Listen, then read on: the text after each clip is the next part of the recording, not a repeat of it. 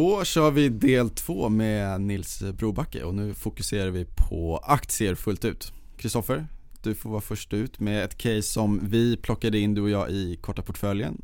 Det norska NRC. Precis, NRC, det låter ju nästan något, som något konstigt men eh, det är faktiskt eh, så enkelt som järnvägsunderhåll. Eller det är ett, eh, man kan se det som ett byggbolag eller anläggningsbolag.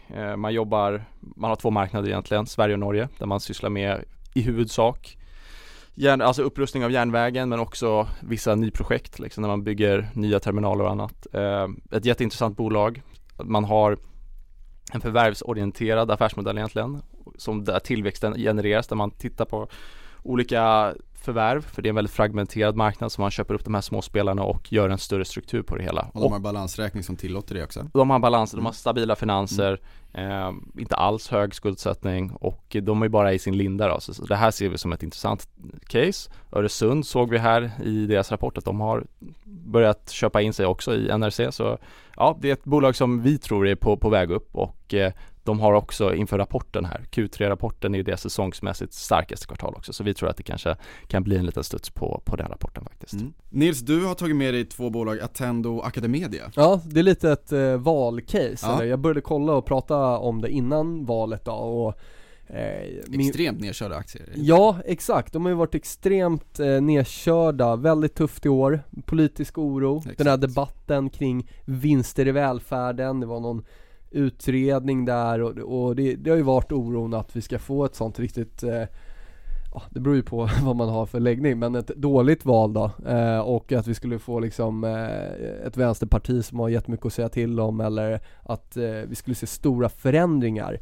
Eh, men jag tycker att valresultatet talar ganska tydligt för att vi är inte där och det tekniska börjar också se riktigt, riktigt trevligt ut. Eh, om vi tar eh, Attendo så återtestade vi en low från 2016, 73 och det har varit en jäkla konsolidering där i veckografen men nu börjar vi handlas över den här 80 kronor i Attendo. Jätteintressant linje enligt teknisk analys. Eh, så eh, kan köpare försvara de här nivåerna så tycker jag det ser bra ut. Vårdbehovet är ju superstort. Eh, och Attendo är verkligen en spelare där som, som är, är duktiga. Mm. Eh, så att, eh, jag tror att, jag vet inte om ni såg det men det kom in något bud på Capio där också, här för några dagar sedan. Precis. Så, men, och så hoppar vi över, och det, och det är framförallt vård då, som de fokuserar på. Academedia är ju kanske, om man tar lite mer riskabel, för det, det är ju skola och det är ju kanske där den mesta fokusen har varit på just vinster i välfärden. Men jag tycker även där tekniskt att den börjar se bra ut. Eh, 47 spänn är en skiljelinje för mig med teknisk analys, så vi försvarar den än så länge. Kan vi även börja komma över 50 så finns det bra potentiellt uppsida. Då har vi i 60 kronor, det vill säga 25% upp från nuvarande pris som jag sitter och tittar på. Ja, för jag tycker Academedia ser fundamentalt intressant ut ändå. Alltså du har den här underliggande dynamiken med ja. en ökad befolkningstillväxt och ökad omsättning per student. Ja men alltså behovet och... är ju galet. Ja. Pra, prata med en förälder idag och liksom vad, vad de tycker om skolplatser, men även, vi kan ju bara tänka på vårdplatser och så vidare. Alltså det här är ju behov som inte försvinner och när man tittade sen, den kritiken som kom för ett par år sedan, men då tittar man ju att de kommunala alternativen är ju sämre liksom. Så att det här är inget som, det här är inget som kommer försvinna. Och intressant med sentiment, återigen, i början av året var det många som pratade om Academedia, Attendo, nu är inte folk lika intresserade. Och då blir jag återigen så här, va? Den är ju mycket lägre värderad, vi har fått in valet, oron borde vara borta, mm. tekniska börjar se bra ut så att Och det finns ju en tillväxtstory där, Academedia tror jag växer 15% per år och väntas göra det framöver också Exakt, så att, så att de är, ja, spännande ja. case Jag tänkte på det Attendo, Capio, har ni koll på vad de köptes upp till? Rent värderingsmässigt, jag tänker man skulle kunna kanske betta och hoppas på att Attendo då skulle kunna värderas upp Nej jag vet bara att de öppnade upp typ 10% när, när uh, nyheten kom ut om, uh, nej nej, nej. Uh, Capio ja. då. Så kom ner lite, jag är osäker på vad det var faktiskt. Det var väl Ramsay som Ja jag tror de la ett skambud först och sen så fick de komma tillbaka och lägga ett nytt bud. Um, Och då steg det med 11% någonting på det men jag har ingen koll på vad, vad den värderas till. Men, men Attendo håller jag med om. Det, ja. Där har du ju den, den åldrande befolkningen också ja. som, som ligger och det är ju en långsiktig trend som, ja. som bara kommer förstärkas de kommande 10-15 åren. Och man kan väl säga också då det tekniska om om nu 80 spänn eh, fallerar och 47 kronor i Academedia, om, om vi börjar göra nya bottnar, då ska man nog ändå vara försiktig. Då är det någonting vi inte känner till. Så att, men Ska man dansa nära utgången då eller? Vad sa du? Man ska dansa nära utgången. Framförallt kanske vara, man behöver inte vara så tuff i början. Man kan väl börja med en mindre posse Mm. och bara känna att man är med där och sen börjar det bekräftas och då kommer man ha tid att size upp den eh, istället för att slänga på allting. Eh, och så blir det jobbigt att ta stoppen om vi kommer under och sådär. Så att, nej, helt klart intressanta case och Mm. rejält nedtryckta. Apropå mindre posse så tog ju vi en sådan i eh, Sandvik i korta portföljen förra veckan eh, Lång eller kort? Lång Ja, det, det, namnet är kanske lite eh, vilseledande, korta portföljer, men det är kortsiktiga Ja. portföljer. Ja det, det Ja, visste jag men jag Vi, tänkte vi får mer alltid förklara Ja, det vad var, berätta, vad var caset med Sandvik där då? Nej men det, var det är väl att vi känner att, som vi pratade om lite, att verksamheten för många verkstadsbolag går ju bra men att marknaden är så jäkla snabb på att diskontera sämre tider. Så att vi tycker egentligen att trots att orderingången ser ju bra ut, eh, vi tror på en bra Q3, de får lite valuta med vind. Vi tycker att aktien borde kanske inte klassas som fulverkstad som vi gjorde förut, det är snarare mer åt finverkstadhållet, eh, mer eftermarknad och så vidare. Så tycker vi att nu har ju värderingen kommit ner, är det P 12-13. 12-13 på nästa år liksom. Ja. Eh, Så att, eftersom aktie, aktiekursen har stått still samtidigt Ja. som vinsten har vuxit så har ju liksom värderingen kommit ner och vi tycker väl liksom att det finns eh, utrymme för en, för en studs uppåt faktiskt. För det har ju konsoliderat egentligen hela året mellan 165 och 150 Ja, spänn. Är, är, det, är det en trade mot toppen av konsolideringstaket eller tror ni att det ska bryta? För att det, det, jag menar det ska ju ses som ett styrketecken om en så lång konsolidering bryts på uppsidan. Exakt. Vi hade ju föredragit att få köpa den här i, på golvet, den här konsolideringen runt 150 spänn. Eh, och sen kanske haft den till 165 där eftersom Mm. det är en lite kortsiktigare portfölj. Men vi får väl se lite, vi inväntar i alla fall rapporten Ja. som kommer om några veckor. Eh, så får vi se. Men Ja. klarar man 165 då ser vi det som ett styrketecken och kanske blir mer konfident i att Mm, äga mm, den. Och mm. klarar den inte den nivån, då kanske vi väljer att ta Ja. en snabb kort vinst. Precis, och horisonten i det här är ju en månad liksom. Ja. Så, Ja. så det, det är ingen, det är inget långsiktigt. Nej det, vi ser att det har ju konsoliderat ett helt år så att det kan ju bli några vändor upp där. Jag skulle nog ändå säga om, vi, om jag kollar rent krasst tekniskt Mm. så veckolinjen är bruten, trendlinjen får man ändå säga. Och vi har en kraftig konsolidering här som, har- Mm. som har hängt i så att eh, återstår att se men min risk-reward ligger nog ändå på nersidan här skulle Mm. jag säga. Sen beror det på var man kommer in i det här intervallet. Självklart. Men är den här konsolideringen då, ja. Absolut. Men den här konsolideringen, hur viktig är den skulle du säga? Skulle du säga att om man äger Sandvik och så går den, bryter den under, vi ser det 150 Mm. som var golvet. Mm. Eh, ska, man sälja den aktien då? För att med, med tanke på hur länge det har konsoliderat och med tanke Ja, på Alltså, alltså- samlat kraft. Ja liksom. exakt, och man säger ju det att efter en, en lång konsolidering så ska det ju skjuta ordentligt åt något håll. mm. Och det handlar väl mycket om var man har kommit in och, och liksom hur länge man har ägt den, vad, vad, vad avkastningen har varit. Men, men eh, ja, är det, vi ska nog ta det som ett svaghetstecken om säljare etablerar sig under 150. Då är det ändå en stöd som har försvarat sig över ett år och så plötsligt så inte köpare intresserad av att Mm. köpa den dippen längre. Vad säger det? Och så får vi se intressant som du säger rapporten. Eh, Det finns ju faktiskt scenarion där man, det kommer in en riktigt bra rapport och säljare agerar på det då. Vi kanske får ett ställ upp och sen så är det mycket volym som ska lastas av där och så vidare. Så att viktigt här blir de här psykologiska nivåerna eh, och som du säger rapporten då också. Och vad det får för implikationer för övrig verkstad också. För det kan ju Mm. verkligen påverka hela, i och med att det är ett flaggskepp också på Stockholmsbörsen. Vilka kommer först ut? Förut var det alltid SKF. Då kunde, det bli, liksom, då kunde vd-orden och orderingången där på något sätt ge en fingervisning om vart andra ska ta vägen. Men det är inte riktigt så längre. Nej det är inte riktigt så längre. Jag har inte riktigt exakt datumen i bakhuvudet. Har du? Nej, Nej. Nej. Får kolla på företagskalendern. Ja, exakt, exakt. Jag får, får kika lite i den. Ja, okej. Men, nästa bolag är ju, eh, jag tänkte Dometic.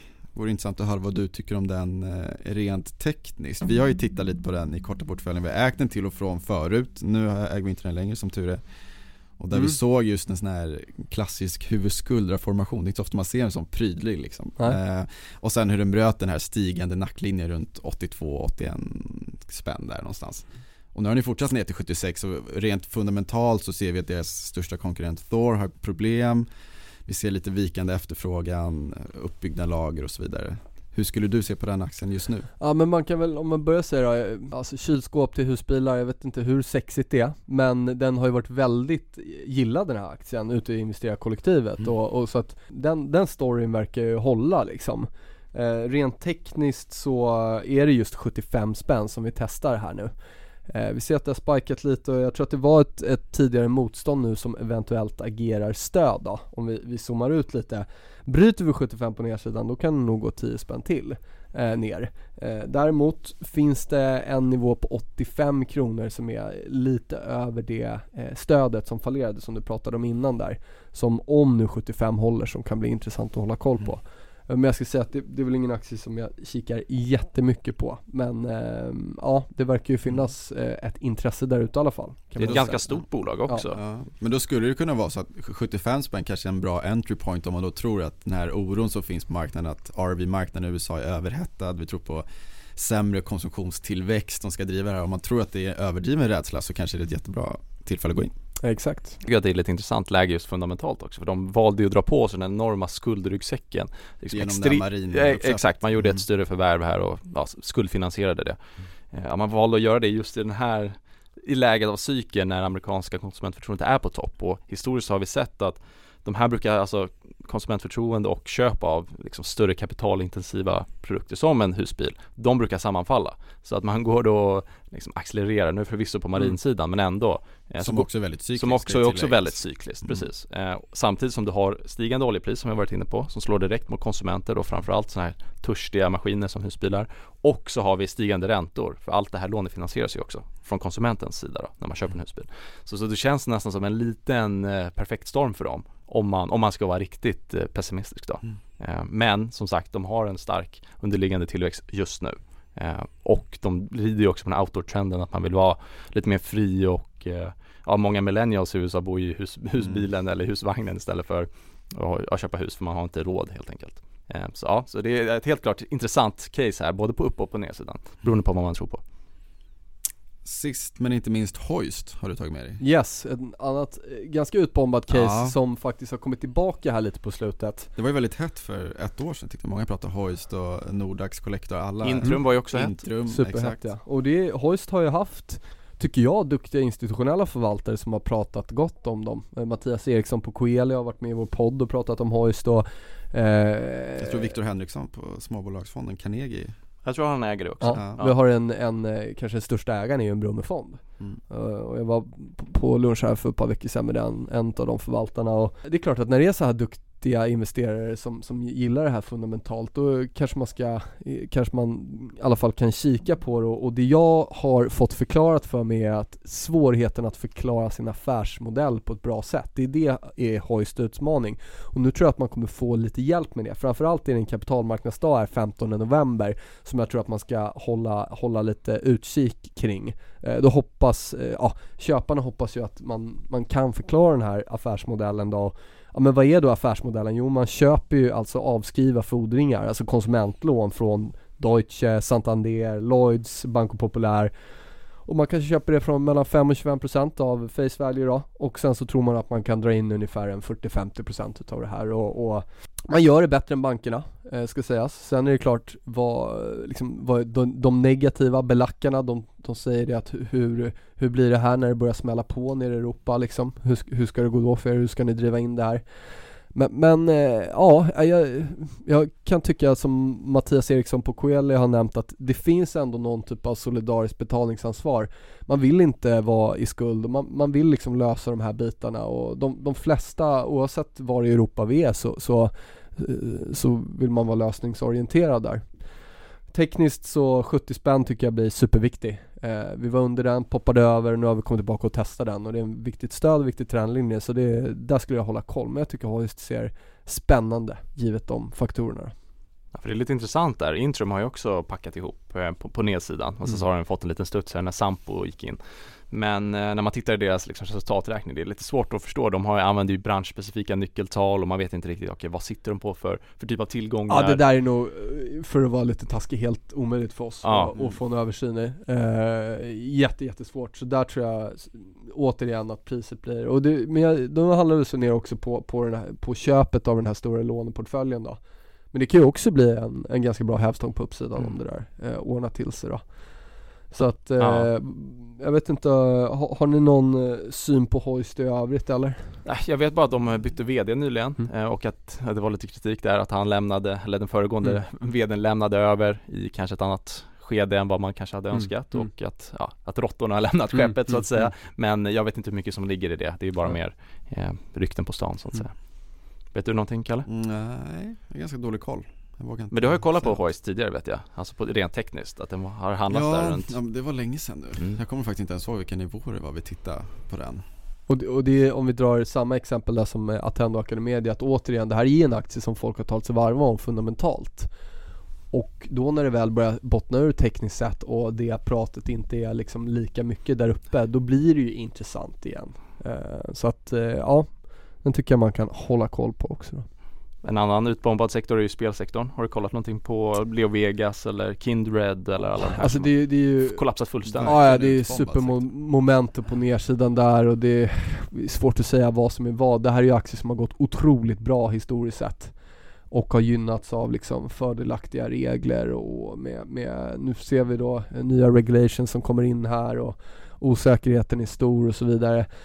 Jag kan väl bara säga att eh, man ska vara försiktig med att fånga såna här fallande knivar som har levererat bra historiskt sett för allting bygger ju på de här tillväxtantaganden och det, det vi kan inte, ja, assumptions is the mother of all fuck-ups. Finns det en bra trendföljare som brukar säga att Ja, Ska vi hålla de antaganden framgent? Det, det, det blir svårt att göra det, tror jag. Däremot som till exempel NetEnt eller Net Entertainment tycker jag är en, en aktie som ser i, grafen riktigt eh, trevlig ut för en studs. Och även de andra kan nog liksom börja komma in lite möjligheter för bra rekyler. Eh, men det är ju ändå någonting som är på gång, en strukturell förändring i den branschen. Så det bör vi ju ta hänsyn till. Då. dessvärre äger vi Kindred i korta portföljen. Eh, Mm. Den har ju verkligen Alltså packat ihop här och Mm. vi trodde inte att den skulle vara så svag, särskilt Nej. inte när rapporten är antågande. Q2 var stark, man hade bra kundintag efter fotbolls-VM Mm. och under fotbolls-VM och det kommer ju fortfarande lite skjuts. Men ja, där kan vi verkligen se hur det bara har fortsatt ner varje dag. Det känns som att det har gått ner i Nedgång föder nedgång. Ja, precis. och blankare känner det här kanske, det känner men lite det, är meka- blodvittring. det är mekaniskt också, som Ja. vi pratade om innan. Det är ju 80% algoritmstyrt idag. De agerar ju helt känslokallt. Det är ju, det är ju inte, det är, eh, nya lows föder nya lows. Och där har ju de här aktierna hamnat eh, i, i, de- i den spiralen då, ska man säga. Och sen så eh, är det väl också, ja den här osä- osäkerheten kring regleringar och, och sånt då. Eh, hur, hur ska det bli och kommer alla få sina tillstånd och, Mm. och sådär. Den svenska spelmarknaden omregleras ju Exakt. från 1 januari 2019 då, så det blir en lite ny spelplan Samtidigt har 888, det här brittiska spelbolaget, de har ju vinstvarnat eller ja, flaggade för sämre marknad i Storbritannien också så, så det finns ju lite sådana här Ja, vad ska man kalla det? Faktorer i periferin som påverkar eh, sektorn. Men Mm. med Unibet eller Kindred, det är ju flaggskeppet tycker vi. Och värderingen är ju rimlig nu. Nu Mm. är det liksom, ja men P 12-13 för ändå en verksamhet som växer strukturellt. Ja, det är väl bara om man är rädd att prognoserna ska ner ännu mer kanske. Ja precis, det är, man är rädd för att vinsterna kommer bli lite stillastående nu med att man får betala högre skatt på, på de här, Mm. på, på omsättningen allt. Intressant blir om det blir någon konsolidering där också. Eh, Det kan ju vara så att mindre aktörer blir uppköpta eller om de går I, hela vägen till dem. Nej men ja, det, det återstår att se där och hur, hur de större drakarna agerar också Mm. då. Men det är ju helt klart någonting att hålla koll på. Lite som aktie, eh, fastighetsaktierna fick mycket skit här eh, tidigare i år och, och så ser vi att det kommit en fin eh, studs där i både Peab och, och Skanska som har varit några case jag har kollat på och, och, och eh, vi får nog vänta och se hur, hur sentimentet liksom spelar ut här och gör vi nya bottnar ska man vara försiktig i spelbolagen men däremot om sentimentet fortsätter vara negativt men vi tekniskt börjar se bottnar då tror jag vi har eh, fina rekyler och handla i alla fall på kort sikt på uppsidan. Och framförallt bra rapporter så får det en skjuts fundamentalt också. Så att det, inte Det skulle bara, kunna vara en trigger, Så, så inte bara ritar i grafen utan att det finns något verkligt att ta på. Ja, fan det här blev ju, nu svor jag också. Eh, jäkla massa aktier på kort tid. Ja. Eh, men Nils, stort tack för att du kom hit. Kul att vara här. Jättekul. Ja. Jättekul. Och snacka. Det gör vi om någon gång. Ja, Ja. det gör vi gärna. Vi kanske kan gästa er på till och med. Absolut, det tycker Ja. jag. Och- Och, eh, frågor och funderingar kring CMC så är det bara att slå en signal, eh, dra ett mail och undra. Eh, och som sagt, vi erbjuder då CFDR på aktier, index, valuta och råvaror. 10 000 produkter världen över. Precis. Och man hittar det på cmcmarkets.se eller .com. Stämmer bra. Ja. Stämmer bra. Och vi har ju vår nyhetsside Trade CMC som vi driver med nyhetsbyrån Finwire där vi postar en hel del grejer. Men även på vår Twitterkanal och sådär. Så håll utkik efter det. Mm. Och missa inte heller er podd Björnfällan. Björnfällan, stämmer Och bra. den finns i podcaster och Finns i alla podcastspelare, släpps varannan fredag. Och och eh, ska vi se, vad blir nästa avsnitt? Jag tror att det blir faktiskt Mattias Eriksson som är tillbaka Ja vad trevligt eh, Får han följa upp lite Betsson calls och lite hoist och sådär Ja då får han förklara sig Danske. lite hur Ja, han, hur han, berätta hur han räknar på Ja, Ja, exakt. på hoist Nej men och det blir annat. intressant, han är väldigt frispråkig och sådär, så missa inte det men då alla andra poddlyssnare så hörs vi om en vecka igen. Hej då!